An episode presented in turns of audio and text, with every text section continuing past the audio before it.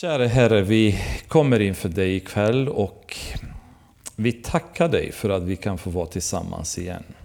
Jag ber att du ska stärka det här bandet som finns i din församling eller mellan oss, som ska vara baserat på kärlek, på omsorg för varandra. Gästvänlighet, gästfrihet, intresse för varandra, Herre. En äkta längtan efter att få vara med varandra. Fader, jag ber att våra hjärtan ska bubbla av kärlek för våra bröder och systrar i församlingen, att vi ska se på varandra så som du ser på oss, Herre. Annars är vi lögnare, Fader, när vi säger att vi älskar dig, men vi älskar inte varandra. Och jag ber för mig, för de som är här, de som inte är här, Fader, att du ska bara ge oss din kärlek. Så att vi känner en glädje, en entusiasm, en längtan efter att få vara tillsammans. Ja, när vi ser på våra bröder och systrar i församlingen, i andra församlingar, så känner vi Jesu Kristi kropps glädje. Att vi ser dem som tillhör din kropp. Vi ser delar av Jesu Kristi brud, Fader. Vi tackar dig och prisar dig för den här kvällen och jag ber att du ska belysa ditt ord för oss med din heliga Andes kraft och vishet, Fader. Låt oss förstå det du har för oss i de här texterna som vi kommer gå igenom, Herre. Tala till våra hjärtan, bara du. I Jesu namn. Amen. Vi eh, lämnade förra gången i ett lite grann breakpoint som man kan säga, där vi har pratat väldigt mycket om eh, de tre första patriarkerna, Abraham, Isak och Jakob. Och avslutade i princip kapitel 36 med att vi kommer till en punkt då eh, patriarkperioden kan man väl säga är över. Jakob är inte död än, han lever fortfarande. Men den som blir frontfigur från och med kapitel 37, det är ju en av hans söner, Josef. Och man kan väl säga i princip ehm, den återstående delen av Moseboken handlar väldigt mycket om Josef. Och det är som vi har sagt tidigare, när det står saker och ting i Bibeln, då finns det en anledning till att de finns där. De är inte kastade dit utan någon anledning. Även om idag kommer ni fundera på varför kapitel 38 överhuvudtaget finns i Bibeln. Som vi kommer eh, förhoppningsvis gå igenom lite senare under dagen. Men allting har en mening och när Gud har tillåtit att så mycket utav Guds ord ska handla om Josef och den perioden som Josef lever i, så bör det finnas en anledning till det. Och eh, det vi kommer möta i Josef, det är en väldigt speciell man som för oss kommer ge oss tonvis med lärdom Alltså praktiska lärdomar för hur vi ska leva vår relation med Gud. Josef och Daniel är två ungdomar kan man väl säga, som ungefär i samma ålder hamnar i väldigt livsomvälvande situationer. Då deras tillvaro blir eh, vänt upp och ner på ett dramatiskt sätt. Daniel han tas till fånga under Nebukadnessars invasion i Jerusalem och han tas till fånga där och eh, släppas efter eh, hela vägen till, till Babylon. Där han tvingas att komma in och får ett nytt namn och lära sig en ny kultur och allt sånt här. Och mitt under hela detta så är han tvungen att bestämma sig att leva ett kompromisslöst liv. Utan att det har kostat, utan att han mött svårigheter. Men han gav inte upp. Josef på samma sätt hamnar i en situation nu som kommer vända upp och ner på hans tillvaro och rycka honom bort från alla de han bryr sig om, som han älskar, i en ålder som är eh, mindre än de flesta av er, 17 år. Ehm, och då kastas han ut i en situation då hans tro på Gud kommer sättas på prov. Det intressanta är att båda de här två unga männen är två personer om vilka ingenting negativt sägs i Bibeln. David, mannen efter Guds hjärta, Flera situationer där han visas hur han misslyckas, hur han syndar. Till och med Moses som har tagit folket ur Egypten har gjort snedsteg. Josua, många andra. Men inte Josef och Daniel. Det sägs ingenting negativt om dem i Bibeln. Det betyder inte att de var syndfria. Men Herren hade ingenting negativt att ta fram i deras liv från vilket vi ska ta någon lärdom av. Utan allt som sägs om dem, det är gott. De här, eh, Josef, det vi kommer möta här, det är en, en, något som jag skulle våga påstå, det saknas väldigt mycket idag. Det vill säga karaktärsmänniskor. Människor med stark karaktär för Gud. Människor med stark tro, kompromisslösa människor. Människor som navigerar rak kurs och inte vajar till höger och vänster beroende på vad som händer. Ehm, det finns väldigt få sådana människor idag, eh, knappt att man känner till någon själv.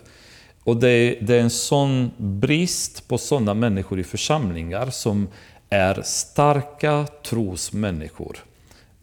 Där man vet alltid att du kan gå till den personen och de kommer tala om sanningen för dig. Du kan titta på deras liv och du kan följa deras liv och veta att jag kommer inte misslyckas.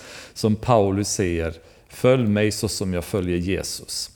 Eh, när man tittar på Josefs, Josefs liv så kan man säga om vi följer Josefs exempel då kommer vi ha ett underbart liv med Gud själva. Nog med introduktionen, men detta bara för att få lite grann en aptitretare av vad som komma skall då när det gäller Josef. Men vi kan börja dyka direkt i kapitel 37. Det börjar med vers 1. Men Jakob bosatte sig i Kanans land och hans far hade bott, där hans far hade bott som främling. Detta är Jakobs fortsatta historia. När Josef var 17 år vallade han fåren tillsammans med sina bröder. Som ung hjälpte han sönerna till Bilha och Silpa, sin fars hustrur, och Josef berättade för deras far allt ont som sades om dem. Israel älskade Josef mer än alla sina andra söner eftersom han hade fått honom på sin ålderdom. Han lät göra en hel lång dräkt åt honom.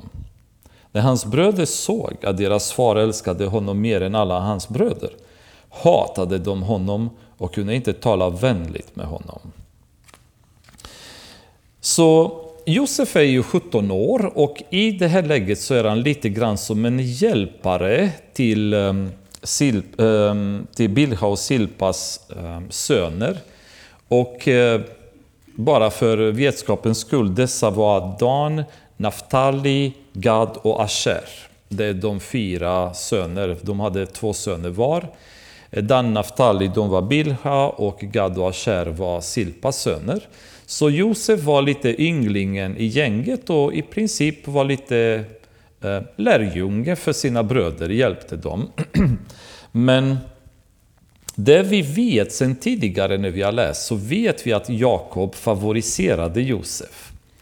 Och det finns säkert olika anledningar till att han har gjort det och den viktigaste skulle jag tro beror på att Josef var Rakels son och Rakel var hans stora kärlek. Vi vet att när han skulle möta Esau så skickade han alla andra före honom, men Josef och Rakel, de sparade han längst bak. Så om de andra skulle bli dödade av Esau, åtminstone så har han Rakel och Josef kvar. Rent praktiskt så var Rakel den fru som Jakob ville ha. Och han hade blivit lurad till att gifta sig med Lia, han hade inget val. Han gifte sig med henne, men Rakel var frun som man egentligen ville ha. Josef kändes som hans förstfödde son på det sättet eftersom det var Rakels son. Och de andra sönerna kanske hade han inte riktigt samma kärlek för. Men jag tror också att det beror på det faktum att Josef även vid det här laget hade ett liv som gjorde att Jakob kunde lita på honom. Därför att när han levde ett, ett eh, rättfärdigt liv inför Gud, då blir det lätt för föräldern Att, att lita på honom och veta att han kommer tala sanningen för mig. Han kommer inte lura mig, han kommer inte baktala mig, prata ont om mig och så vidare. och därför så, bland annat så ville Jakob att Josef skulle hålla ett öga på sina bröder. Av vilken anledning? Eh, han berättade för deras far allt ont som sades om dem, det vill säga om, om Jakob, om föräldrarna kan man väl säga. Så Jakob i princip säger till Josef, kan inte du vara med dina bröder, håll ett öra och se vad, vad snackar de om? Lurar de mig på pengar? Eh, snackar de eh, liksom massa dynga om familjen? Eller eh, har de onda planer, saker som de vill hitta på att göra? Ehm, håll ett öra och berätta för oss. Och det här kan man tycka att det känns lite märkligt att Josef var någon slags kallare för sin far. Men det skulle jag nog inte vilja se honom som, utan han skulle vara mer ett förtroende, en förtroende man. Där Jakob kände att jag kan skicka Josef, han kommer inte ljuga för mig, han kommer inte lura mig. Gå och håll ett öra på vad de säger. Eh, och jag skulle nog vilja påpeka det här för att man kan praktiskt tycka, det här kapitlet som vi kommer gå igenom, det kommer vara två fall då Josef kan man få lite känsla att mm, han var en lite jobbig yngling. Dels att han tjallar på sina bröder, kan man tycka. Och nummer två, när han berättar drömmarna senare så tycker man bara att men, men Josef, du kunde ju hålla lite låg profil, lite gå och skryta om dina drömmar inför dina bröder. Jag skulle vända mig mot den tolkningen av den enkla anledningen att det passar inte ihop med resten av Josefs liv. Där han redan i den här unga åldern, 17 år, hamnar i Potifars hus lite senare, där han lever med en integritet som var helt perfekt. Så hade han varit en sån här skrytsam person, en lite halvlurendrejare och tjallare, då hade han levt ungefär på samma sätt vidare i Potifars hus och i fängelse när han kom och så vidare. Men han lever konsekvent ett väldigt ärligt och dedikerat liv, vilket är min förståelse då att Josef var inte en tjallare, utan han var en person som det står i Ordspråksboken eh, att det finns en tid att tala och en tid att lyssna. Det, det, finns situationer när du behöver öppna munnen och berätta saker eller säga saker. Och, och stunder när du kanske ska vara tyst. Och det får ni bedöma själva hur ni upplever honom, men hur som helst så var Josef skickad dit av Jakob för att hålla ett öga på sina äldre bröder och förmedla hem ifall de talade något ont om dem hemma då, helt enkelt. Ehm.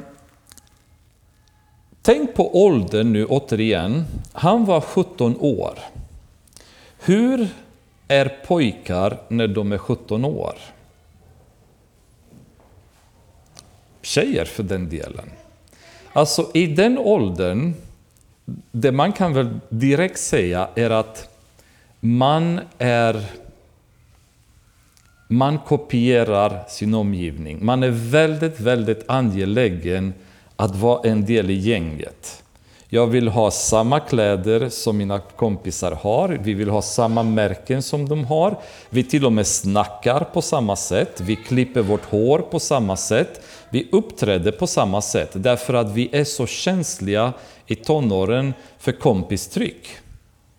Hormonerna är väldigt mycket i obalans hos både tjejer och killar. Eh, e- man vill experimentera med saker, man vill vara lite häftigare, lite coolare. Man vill, eh, man vill hänga med de, med de finare killarna, med de coolare grabbarna och så vidare. Och, och han var den yngste i familjen.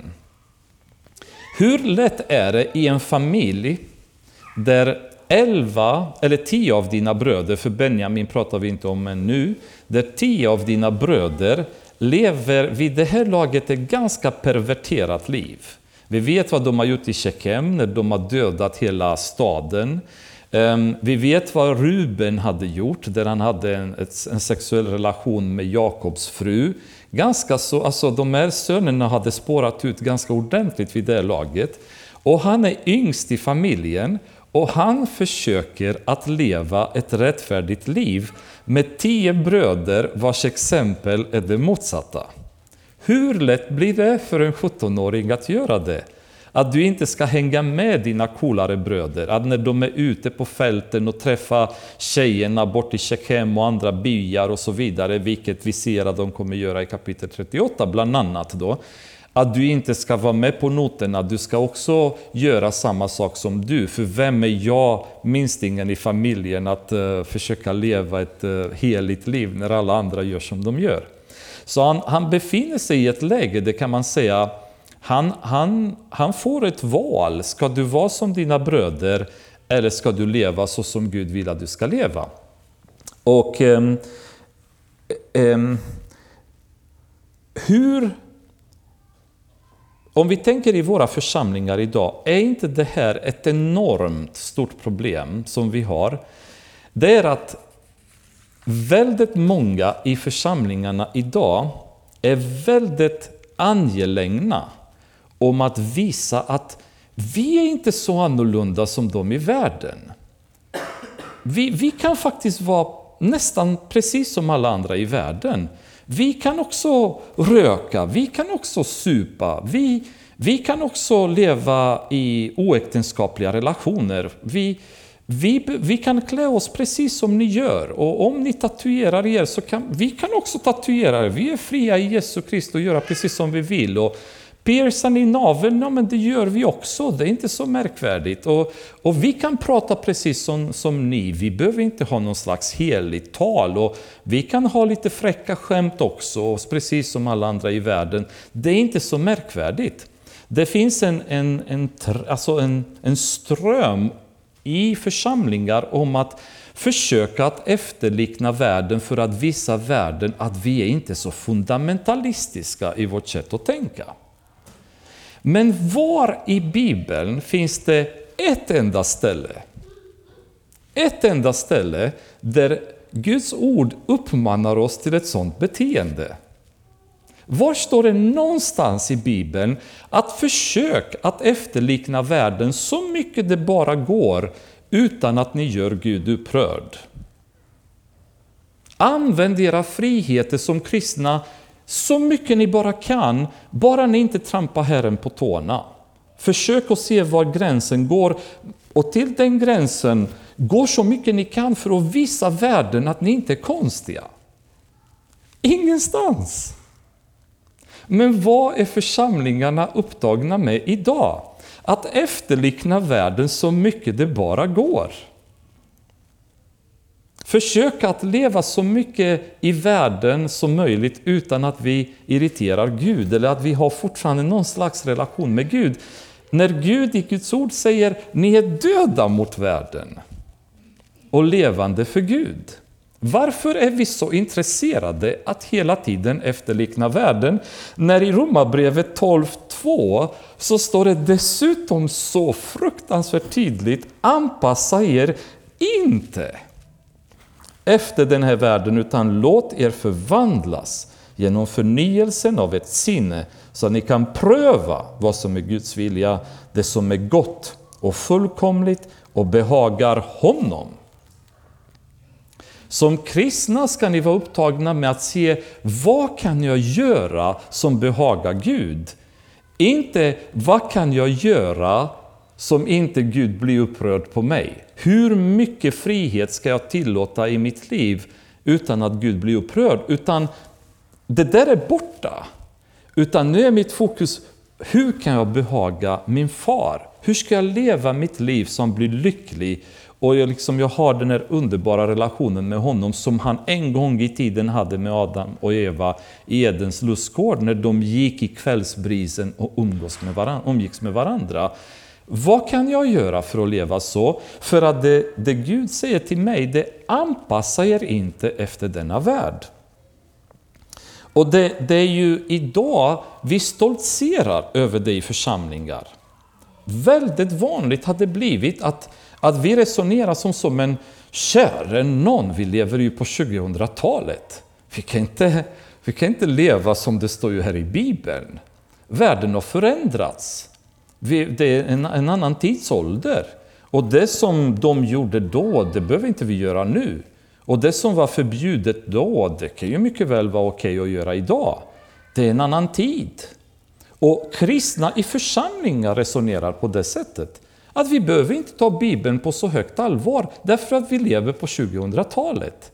Allt som står här behöver inte vi bry oss om, för det är en annan tid just nu.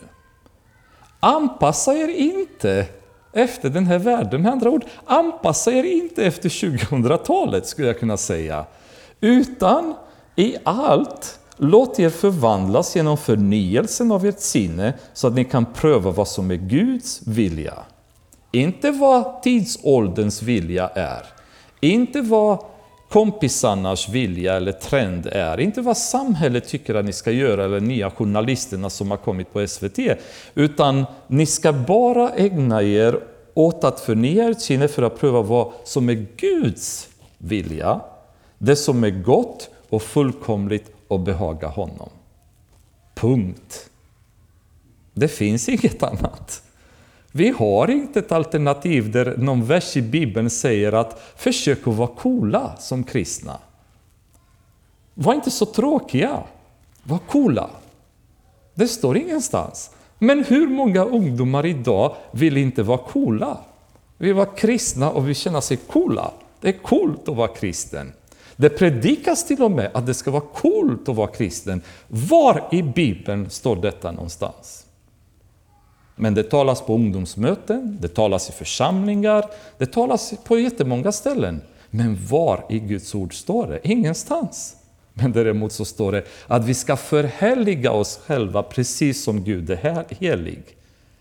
Och när man ser på Josef, en 17-årig kille med tio bröder som levde ett liv som inte var så väldigt gudfruktig, att den här unge killen bestämmer sig i en tidig ålder att leva ett gudfruktigt liv och känna Gud. Jättespännande och ett stort exempel för oss alla andra. Ehm, och idag så, så, är det ju tyvärr en, en, en sån trend som sprider sig och det kryper in i vår församling, det kryper in i alla församlingar, där saker som var självklara att vi som kristna inte ska befatta oss med, plötsligt så ser vi dem, att folk gör dem. Och nu pratade vi på sista bönemötet om diskussion i Ekumenia kyrkan tror jag var det, Um, om huruvida det är okej okay att, uh, att acceptera homosexualitet. Jag bara känner, men snälla, finns det ingen gräns för hur lågt vi i församlingarna är beredda att sänka oss? Finns det ingen gräns för var vi förstår vad Gud vill att vi ska gå? Måste vi bli som världen? Allt skräp som finns i världen måste vi importera i församlingen. Har inte vi en annan herre som regerar över oss i församlingen, som är församlingens huvud och bestämmer hur vi ska leva? Och, och det, det, är så märklig situation när kyrkornas hela tiden eh, de lever i någon slags mindrevärdeskomplex där vi måste försöka att vara trendiga, annars vad kommer samhället tycka? Vi behöver inte bry oss om vad samhället tycker, vi behöver bara bry oss om vad Gud tycker. För Jesus är församlingens huvud, det är han som styr oss, det är han som bestämmer över våra liv. Vad SLA, Aftonbladet, SVT, lärare i skolan, grannar tycker, det har inte med saken att göra. Vi behöver bara ägna oss åt Gud och behaga honom och uppfylla hans vilja. Och många av oss är äldre än 17 år och vi har fortfarande inte lärt oss det. Och här har vi en kille som vid 17-årsåldern börjar leva sitt liv på ett sätt som kommer förändra en hel nation därefter. Och börjar vid 17 år. Följ honom så ska ni se vad spännande det blir. Han gav honom en långdräkt. Nu ska ni inte vara rädda att eh, jag stannar så mycket vid bara första verserna och ni tror att bibelstudiet är tre timmar, för det, går, det kommer att gå fortare och fortare när vi går igenom sen. Han fick en lång dräkt och jag är glad att svenska översättningen är lite mer korrekt. För i engelska översättningen säger a, a multicolored um, coat. Uh, det, vill, det vill säga en, en rock med många färger. Och det är egentligen inte det ordet som används, utan ordet som används det är en rock med långa armar. Det diskuteras exakt om det är det eller inte, men det, det verkar tyda på att det är en rock med långa armar och det är närmare den översättning som anges här, det vill säga att han har fått en lång dräkt. Varför nämns det här? Det är en riktigt märklig grej som bara kastas där. Historiskt sett, de som hade långa dräkter, det vill säga med långa ärmar, det var de som hade mer ehm, ledande positioner eller adelliknande positioner. Arbetarna själva brukade ha dräkter utan ärmar för att kunna arbeta lite lättare. Men eh, de finare människorna, de hade rockar med ärmar. Och då förstår ni lite grann ännu mer varför bröderna hatade honom så mycket. För den här lille killen på 17 år, han var inte eh, förstfödde sonen, han hade ingen proeminent, proeminent position i familjen utan, utav en rankningssynpunkt. Han får ledartröjan kan man väl säga från sin far och inte de andra bröderna. Så inte undra på att de var ursinniga och tyckte att det var, var hemskt, att varför ska han ha det? Men då, då, då sätter det lite grann i perspektiv lite mer. Först var han lite favoriserad av Jakob. Sen får han en, en, ett klädesplagg av Jakob som visar att det är du som är ledaren och inte dina bröder fast han är 17 år och de är mycket, mycket äldre än honom. Så det blir en väldigt eh, konflikt och, och väldigt laddad situation i relationen mellan dem. Och då vågar jag påstå att Josef måste ha varit väldigt ensam. Han kan inte ha haft en så underbar relation med hans bröder. Och jag har varit, eh, jag har haft en bror som var äldre än mig och han var inte särskilt retlig eller elak och sånt. Men, men jag har fått min dos av vad ska man säga, lite pucklande och någon smäll då och då, lite sånt här, fast jag, det var bara en broder som var äldre än mig. Alltså är man lite mindre i familjen och så har man några som är större så, så blir man lite retad, man blir lite undanskuffad ibland, man får sig en smäll då och då och så vidare.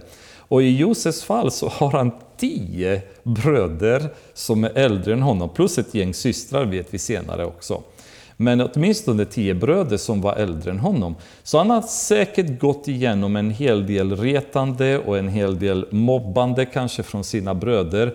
Så jag gissar att hans situation var lite ensam på det sättet eftersom de inte tyckte om honom, till och med hatade honom.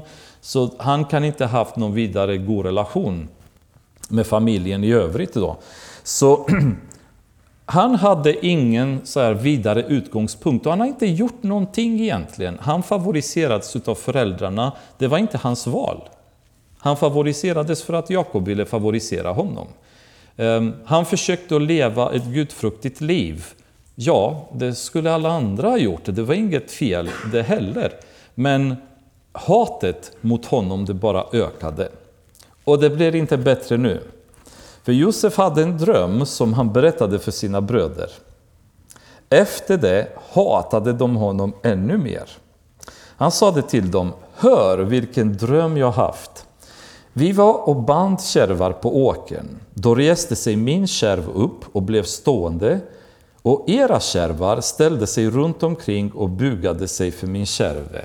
Puh, liksom. Då känner man bara, har det inte smällt tidigare, då kommer det smälla nu. Liksom. Men hans bröder sa det till honom, ska du bli vår kung? Ska du härska över oss? Och de hatade honom ännu mer på grund av hans drömmar och det som han sagt. Sedan fick han en annan dröm som han berättade för sina bröder.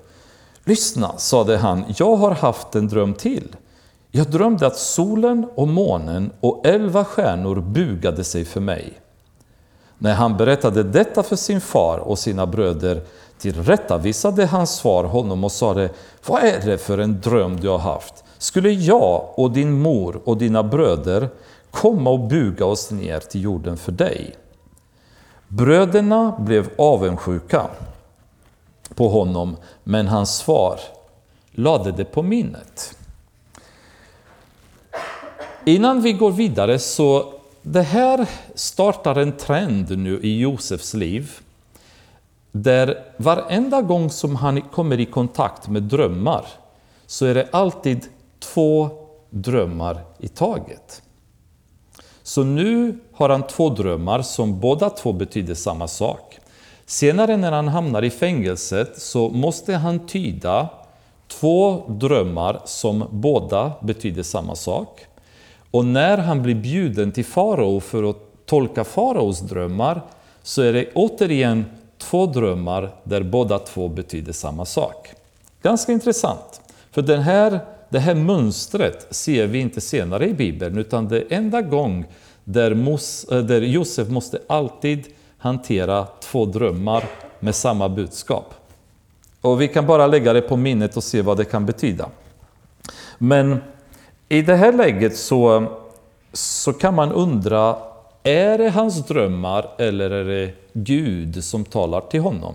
Därför att reaktionen från både bröderna och hans far, det är kritik. Vad är det här för dröm? Ja, vad ska jag, inte vet jag, jag har drömt, liksom kan man svara. Det är inte mitt fel att jag drömmer. Men deras attityd är att han hittar på det här, att det här är inte på riktigt. Det som ändå är intressant är att Jakob lägger det på minnet och jag undrar om han gör det därför att han vet ju mycket väl att Gud har talat till honom själv genom drömmar och uppenbarat spektakulära ting för honom i dröm. Så kan det möjligtvis ha varit så att det fanns en del av honom som säger det här kanske måste jag ändå lagra och se vad som händer ifall det kan vara från Gud. Men de blir väldigt misstänksamma och uppenbarligen tycker de att han är bara jobbig och det här kan inte ha kommit från Gud och det är lite märkligt. Och då är det frågan, talar Gud, kan Gud tala till oss genom drömmar? Är det möjligt? Ja, så vi vet ju från Bibeln att han gör det. Han talade i Gamla Testamentet väldigt många gånger genom drömmar. Och även i Nya Testamentet, även om det inte är lika ofta, men även i Nya Testamentet talar han genom drömmar. Det finns ju profetier om sista tiderna bland annat, som citeras av Petrus vid pingstdagen från Joel, där era söner och döttrar kommer drömma, drömma drömmar i sista tiderna. Så vi vet att Gud även idag kan tala genom drömmar. Det är ganska så självklart att han kan. Men poängen är, hur vet vi att det vi drömmer kommer från Gud? Det är ju det svårare. Därför att när man kommer in i mer karismatiska delen av drömmar, visioner, uppenbarelser och så vidare. Där kan man säga att det spåras ut något så vansinnigt. Det finns ju kyrkor som har gjort det till en match att gå till skolor och tolka drömmar och lära sig hur du ska tyda drömmar. Och de, eh, ja, det blir bara konstigare och konstigare efter ett tag. Då. Man kan väl säga att eh, rent enkelt, idag, det, det vanligaste sättet och det kraftfullaste sättet som Gud talar till oss, det är genom hans ord. Idag har vi kontentan av Gud framför oss genom hans ord. Utöver hans ord så finns det specifika situationer då Gud vill ändå tala till oss på ett annat sätt. Och då är det genom en profet, genom en vision, genom en dröm, genom en uppenbarelse, eh, genom ett råd från en annan broder och syster och så vidare. Och då kan det adressera specifika situationer eller framtida händelser som Gud vill förbereda oss för. Men det enkla sättet är att vi alltid ska pröva det med Gud. Har vi drömt en dröm som vi misstänker kan vara någonting som Gud vill tala, tala om för oss, då finns det en Herre att gå till och be honom om en uttydning. Be honom om att förklara för oss, är det här från honom, är det inte? Matchar det det vi hittar i hans ord eller säger det emot Guds ord? För säger det emot Guds ord, då vet vi från start att det är bara släppa, då är det vår, vår hjärna som bara leker med oss eller vad som kan ha hänt. Men Gud kan fortfarande tala till oss genom drömmar, men jag tror inte vi behöver söka det. Utan när vi söker Gud så söker vi oftast att Gud ska tala till oss. Hur han talar till oss sen, det är upp till honom. Han kan välja drömmar, han kan välja visioner, han kan välja naturen genom att bara titta på solen och sen lägga ett ord på vårt hjärta, vad som helst. Men i mitt liv, det här är det, det jag är mest förtjust i. Liksom. Här finns det inga konstigheter, inga tveksamheter, ordet är klart. Men jag har haft situationer i mitt liv då Gud har talat till mig genom dröm och jag kan nästan minnas drömmen exakt även idag, vilket sällan händer med en dröm. Man brukar aldrig minnas dem. Men, men den gången då jag vet med säkerhet att han har gjort jag minns ju som att det var för bara en sekund sedan. Eh, jag, Gud har talat till mig genom en vision, um, enda gång som jag kan komma på att han har gjort. Så det är underbart när han väljer att göra det.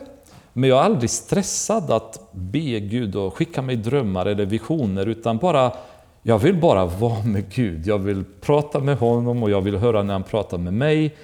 Och sättet han vill göra det på, det får han bestämma. Jag har inga synpunkter på det. Så länge, så länge jag kan umgås med honom och ha ett samtal med honom så är jag lycklig oavsett. Så jag, jag vänder mig lite grann emot de här trenderna när det byggs drömtida skolor och det ska, du ska gå på läger någonstans eller eh, för att du ska lära dig tyda drömmar och sånt. Um, jag skulle nog våga påstå att eh, det är ganska obibliska beteenden. Eh, och det brukar generera ganska mycket galenskap när man sen hänger med i de kretsarna förr eller senare. Men de här drömmarna i alla fall var uppenbart från Gud. Och istället för att det ska vara en signal för de andra att lyssna lite på, se vad kan detta betyda? De bara reagerar direkt med mer frustration, mer avundsjuka och mer hat. Ehm, I Titus eh, ehm, kapitel 3, vers 3 pratar Paulus om vikten av att vara underordnad eh, myndigheter i, vers 1 och 2. Men sen senare eh, i vers 3 då säger han Vi var slavar under olika begär och lustar. Vi levde, och här kommer det intressant, lyssna på de här orden. Vi levde i ondska och avund. Vi var avskyvärda och hatade varandra. Det finns en koppling mellan ondska, avund och hat. När, när man börjar få ondska i sitt liv, när ondskan i ens liv börjar ta över, så kommer den här ondskan generera avund. Och avund som vi inte tar tag i och inte bekänner inför Gud och inte ber som förlåtelse för och inte försöker att bli av med, riskerar sen att utvecklas till hat. Så de var först avundsjuka, eller först bröderna var onda, de, de började leva ett syndigt liv. Det ledde senare att de började bli avundsjuka på Josef och från avund så började de hata honom. I första Johannes kapitel 3, vers 15, det står Den som hatar sin broder är en mördare. Och det fjärde steget efter ondska, avund, hat, då är det mord. Det börjar med att du börjar hata din broder och det kan leda till att du sen vill döda din broder. Och tittar man historiskt på vad som har hänt i världen så ser man att det som står i Johannesbrevet är ju sant. Och det som de kommer vilja att göra med Josef framöver, exakt den här kedjan. Ondska, avund, hat, mod. Därför att synden går alltid i en spiral. Om vi börjar få en synd i våra liv i en mindre omfattning och om vi inte tar tag i det omgående, den kommer aldrig försvinna av sig själv. Den kommer bara fortsätta att spirala sig till något värre och ännu värre och ännu värre tills det hamnar till total katastrof förr eller senare. Och förlorad helt enkelt eh, vår evighet med Jesus om vi inte tar tag i vår synd. Det finns ingen möjlighet att stoppa synden eh, om vi inte tar synden och bekänner den inför Gud och vi ber om förlåtelse och ber honom att ta över och bara få bort det ur våra liv. Den kommer klamra sig fast och den kommer växa i våra liv. Eh, och Det här är också en sån här spiral där det börjar med ondska, fortsätter i avund, sen utvecklar sig till hat och sen utvecklar sig till mord. Och det är syndens förlopp. Tänk på allt annat så att säga, som vi har synder i våra liv, hur de växer. Från att titta lite snett på en person till att börja bli irriterad på den personen, till att börja kanske bli avundsjuk på den personen eller känna lite grann hatiska känslor. Jag kan inte ens se på honom, jag kan inte ens tala med henne. Det, det, det går bara inte. Och det kan ha börjat med bara en liten tanke, en liten blick, en liten attityd eller ett felaktigt svar och så vidare. Som vi inte har tagit tag i det direkt och bara lämnat det vid Jesu fötter och sen gått vidare och bett honom att hjälpa oss att älska den personen. Vi har underhållit den tanken, vi har livnärt den tanken och det har vuxit, den har fått mat, den har fått näring och sen fortsatt att växa och växa och växa till en större synd. Då. Och det är ju, det är ju den trenden då som man ser när det gäller avund.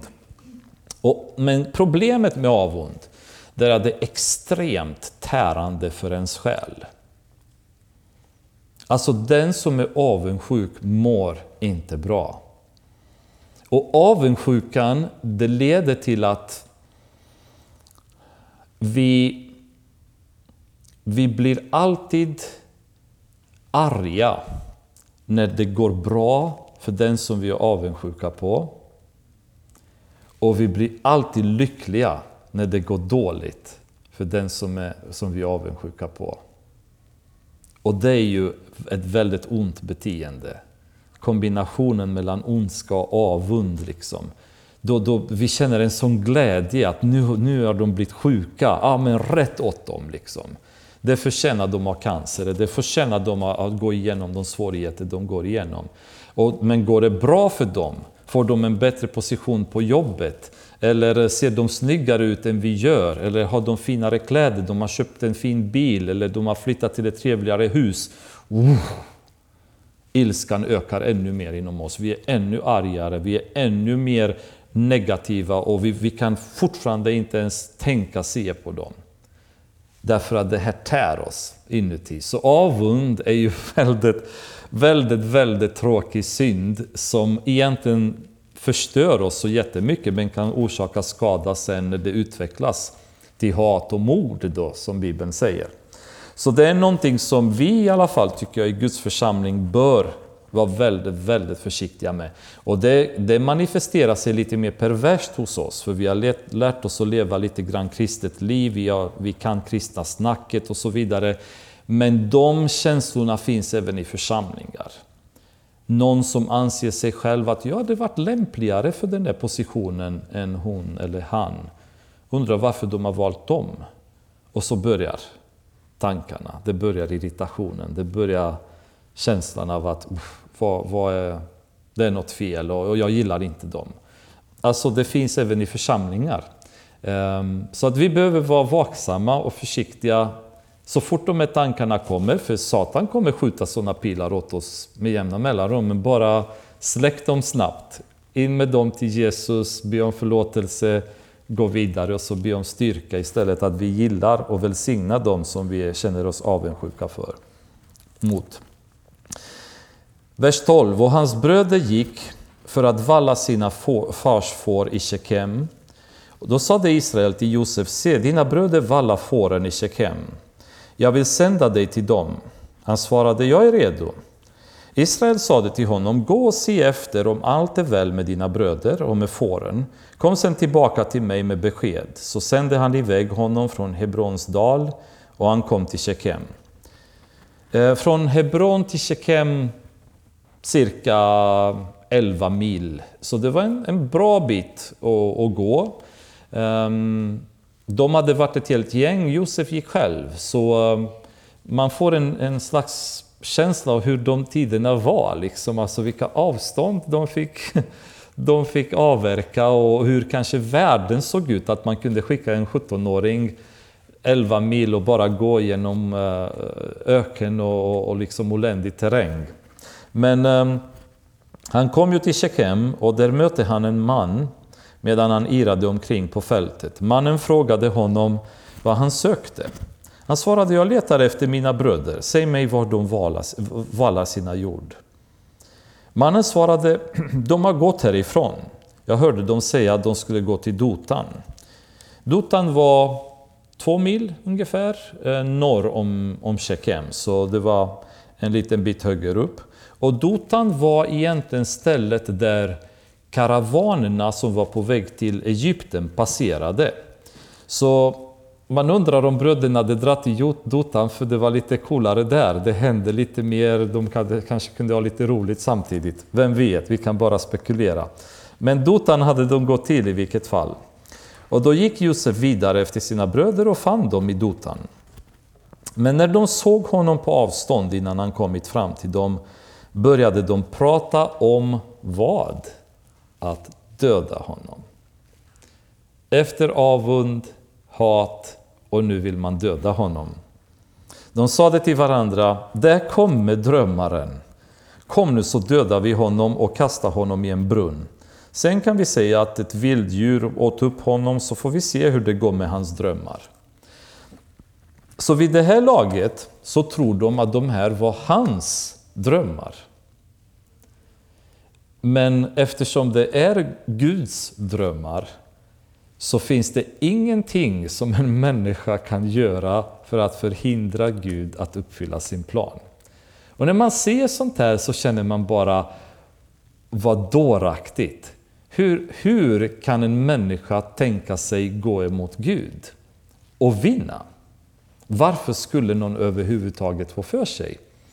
Men i deras värld och i deras avund och hat så kunde de inte tänka rätt, utan de utgick ifrån att det här är hans drömmar. Men det de gör nu är att de går emot Gud. De, de går emot en Guds utvalde. Och gör man det så vet vi i Bibeln att det blir oftast väldigt allvarliga konsekvenser. När man bestämmer sig att kämpa med Gud eller att man vill förfölja en människa som Gud har under sina vingar. Man kommer inte undan så lätt när man försöker att göra det. Men de har ingen aning. De tror att det är Josefs drömmar och då kan vi göra som vi vill med honom. För det är ingen som kan stoppa oss och vi får se hur det går med hans drömmar, säger de. Men när Ruben hörde det ville han rädda honom från dem och sade Vi kan inte slå ihjäl honom. Och han fortsatte Spill inte blod, kasta ner honom i brunnen här i öknen, men bär inte hand på honom. Han ville nämligen rädda honom från dem och föra honom tillbaka till hans far. Och här kan man tycka att Ruben är lite trevligare som stoppar dem från att mörda honom och säger bara Släng honom bara i brunnen och så tänkte han jag kommer senare och tar honom tillbaka hem. Men det här är inte rätt. För att när vi befinner oss i ett sammanhang när någon, säg att vi, vi är en församling, och det händer även i församlingen inte sällan, att en stor skara, kanske en majoritet av församlingsmedlemmarna vill göra någonting, vill dra åt ett håll, vill ta ett beslut om någonting som är fullständigt fel, som är fullständigt obibliskt. Men klicken är så stor rösterna är så höga, skriken är ibland så stora, så man vågar inte stå upp och säga bröder, systrar, det här är fel. Vi kan inte döda honom, han är vår bror.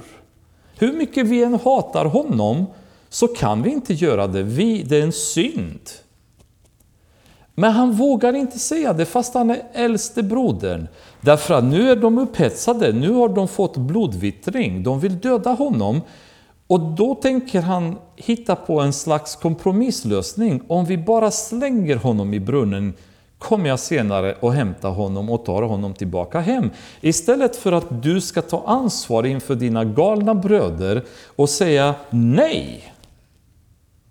Men vad kommer de göra mot honom? Vad kommer de tycka om mig? Om jag går emot en hel församling som vill gå höger och jag vill gå vänster, eller en stor skara, och de skriker och de är högljudda och de har synpunkter och de är arga. Kan jag i detta stå upp och säga bröder och systrar, det är fel. Det här är en synd. Vi kan inte göra det. Vi måste sluta med detta och följa Gud. Det är jättesvårt. Och det vi gör i sådana situationer, det är att vi försöker att hitta en kompromiss.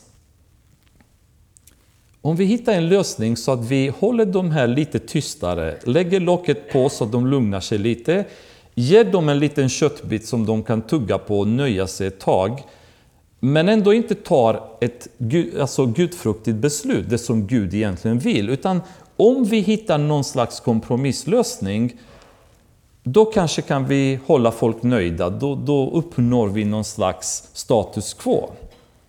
Och det är fel. Därför att som kristna, då måste vi stå för vad som är sant, för vad som Guds ord säger, Guds ord säger. Så befinner vi oss i ett sammanhang, och det kommer hända, när andra kristna drar åt synd, drar åt fel håll, vi måste stå emot och säga nej. De kommer ogilla oss, de kommer distansera sig från oss, de kommer kanske skrika åt oss, de kanske kommer vilja kasta oss ur församlingen på grund av det. Vad priset än får vara, får vi inte kompromissa. Det finns ingen kompromiss, utan det som Gud säger, det måste vi följa. Och Rubens korrekta attityd hade varit att bara säga ”bröder, skärp er”. Och han är ändå äldste sonen, han har en viss auktoritet inför dem. Men han säger inte det, utan han kommer med en kompromisslösning som kommer ändå resultera till, till katastrof sen. Som tänker, vi slänger honom i brunnen istället och jag kanske kommer senare och hämta honom. När Josef kom fram till sina bröder slet de av honom den heliga dräkt, hellånga dräkten som han hade på sig. Och de tog honom och kastade honom i brunnen. Den var tom, det fanns inget vatten i den. Ehm, de här, om ni tänker brunn, så är inte riktigt brunnar som vi tänker här, våra ehm, vanliga brunnar, utan där hade de cisterner, oftast i öknen. När vi gick igenom Jeremia så pratade vi om bland annat hur de byggde de här cisternerna. Och det, det var ett väldigt smalt hål i början, och sen när man gick ner så karvade de in i sten och samlade vatten där i.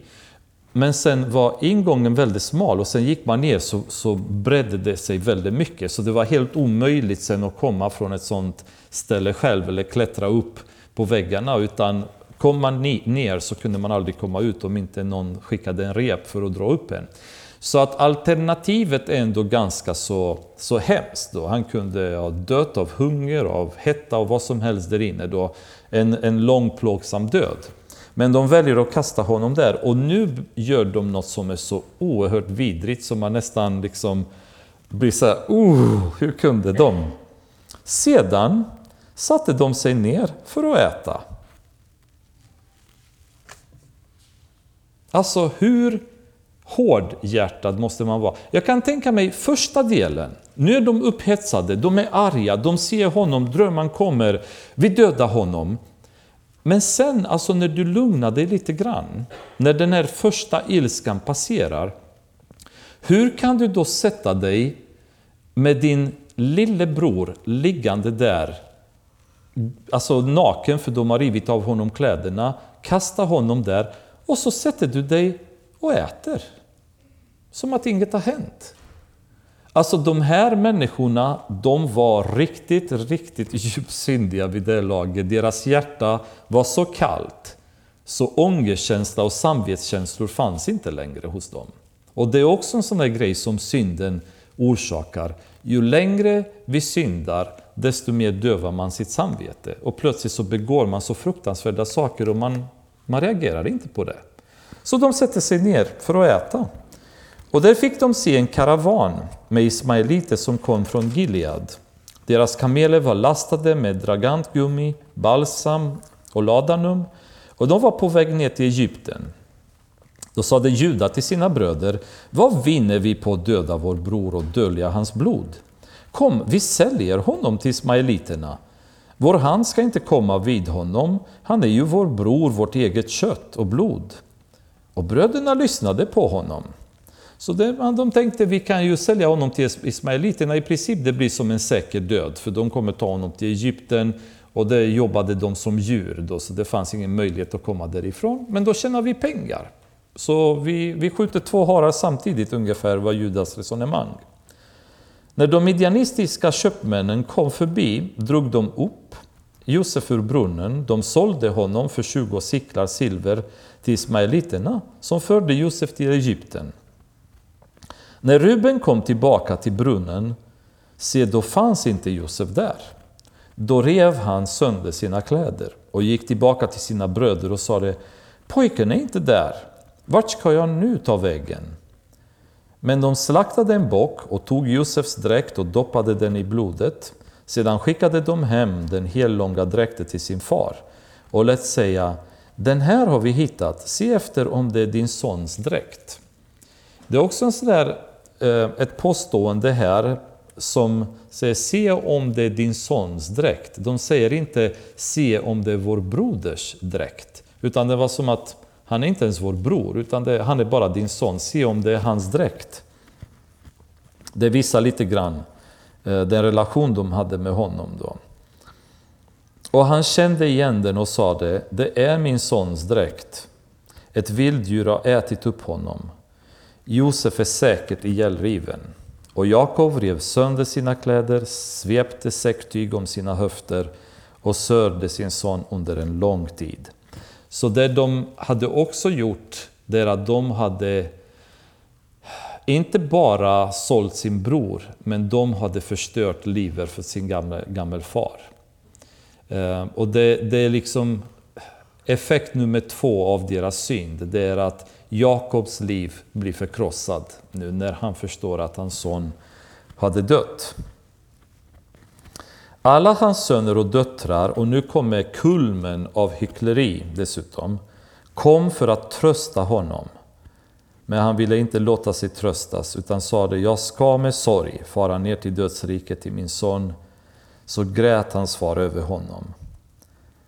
Men midjaniterna sålde Josef i Egypten till Potifar, som var hovman hos farao och befälhavare för livvakterna. Så trots att de visste vad de hade gjort så gick de och försökte trösta Jakob.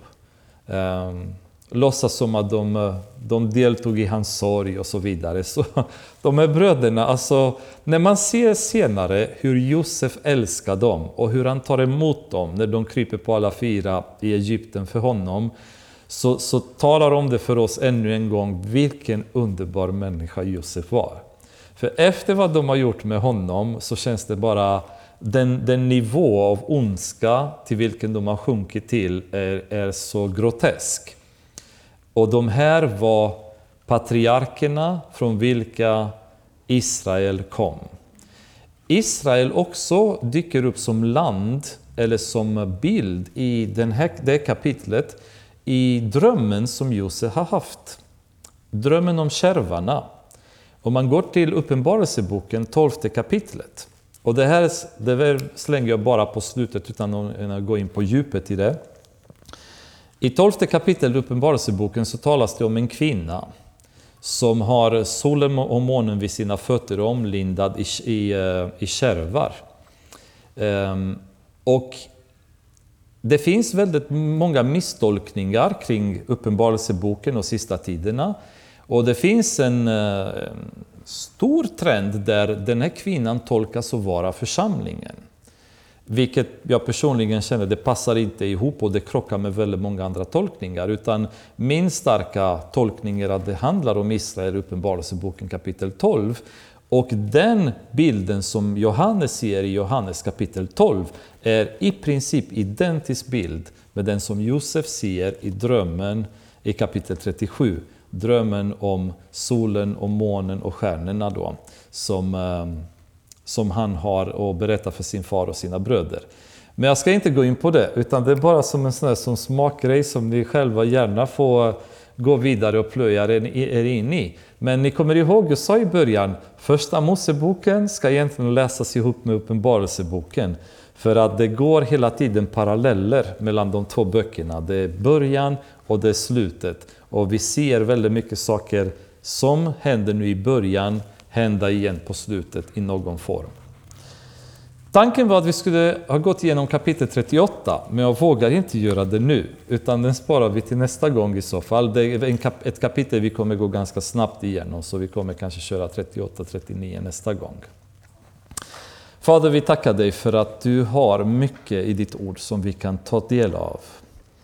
Att ditt ord är så rikt, Herre. Att det finns så mycket där som stärker våra liv och ger oss uppmuntran och vishet. Det påminner oss, Herre, om vad vi behöver göra, hur vi behöver uppträda, Herre. Men framförallt den här kraften att kunna dela ande och själ, Herre. Att kunna verka in i, våra liv och skapa en förändring, Herre. Ju mer vi matar oss med ditt ord, desto mer förstår vi och desto lättare blir det för oss att leva efter din vilja, Fader. Vi har den uppmuntran som vi behöver få därifrån. Vi ser på Josef, Herre, och vi ser att det har fungerat för honom att vara dig lojal. Då kommer det fungera för oss också, Herre. Jag tackar dig i Jesu namn. Jag ber om välsignelse över alla som har varit här ikväll. Jag ber om välsignelse för alla som inte har varit här ikväll, Herre. Alla som lyssnar på podd och Spotify och alla andra kanaler, Herre, välsigna dem. Låt ordet penetrera hjärtan och ge resultat, Fader. I Jesu namn. Amen.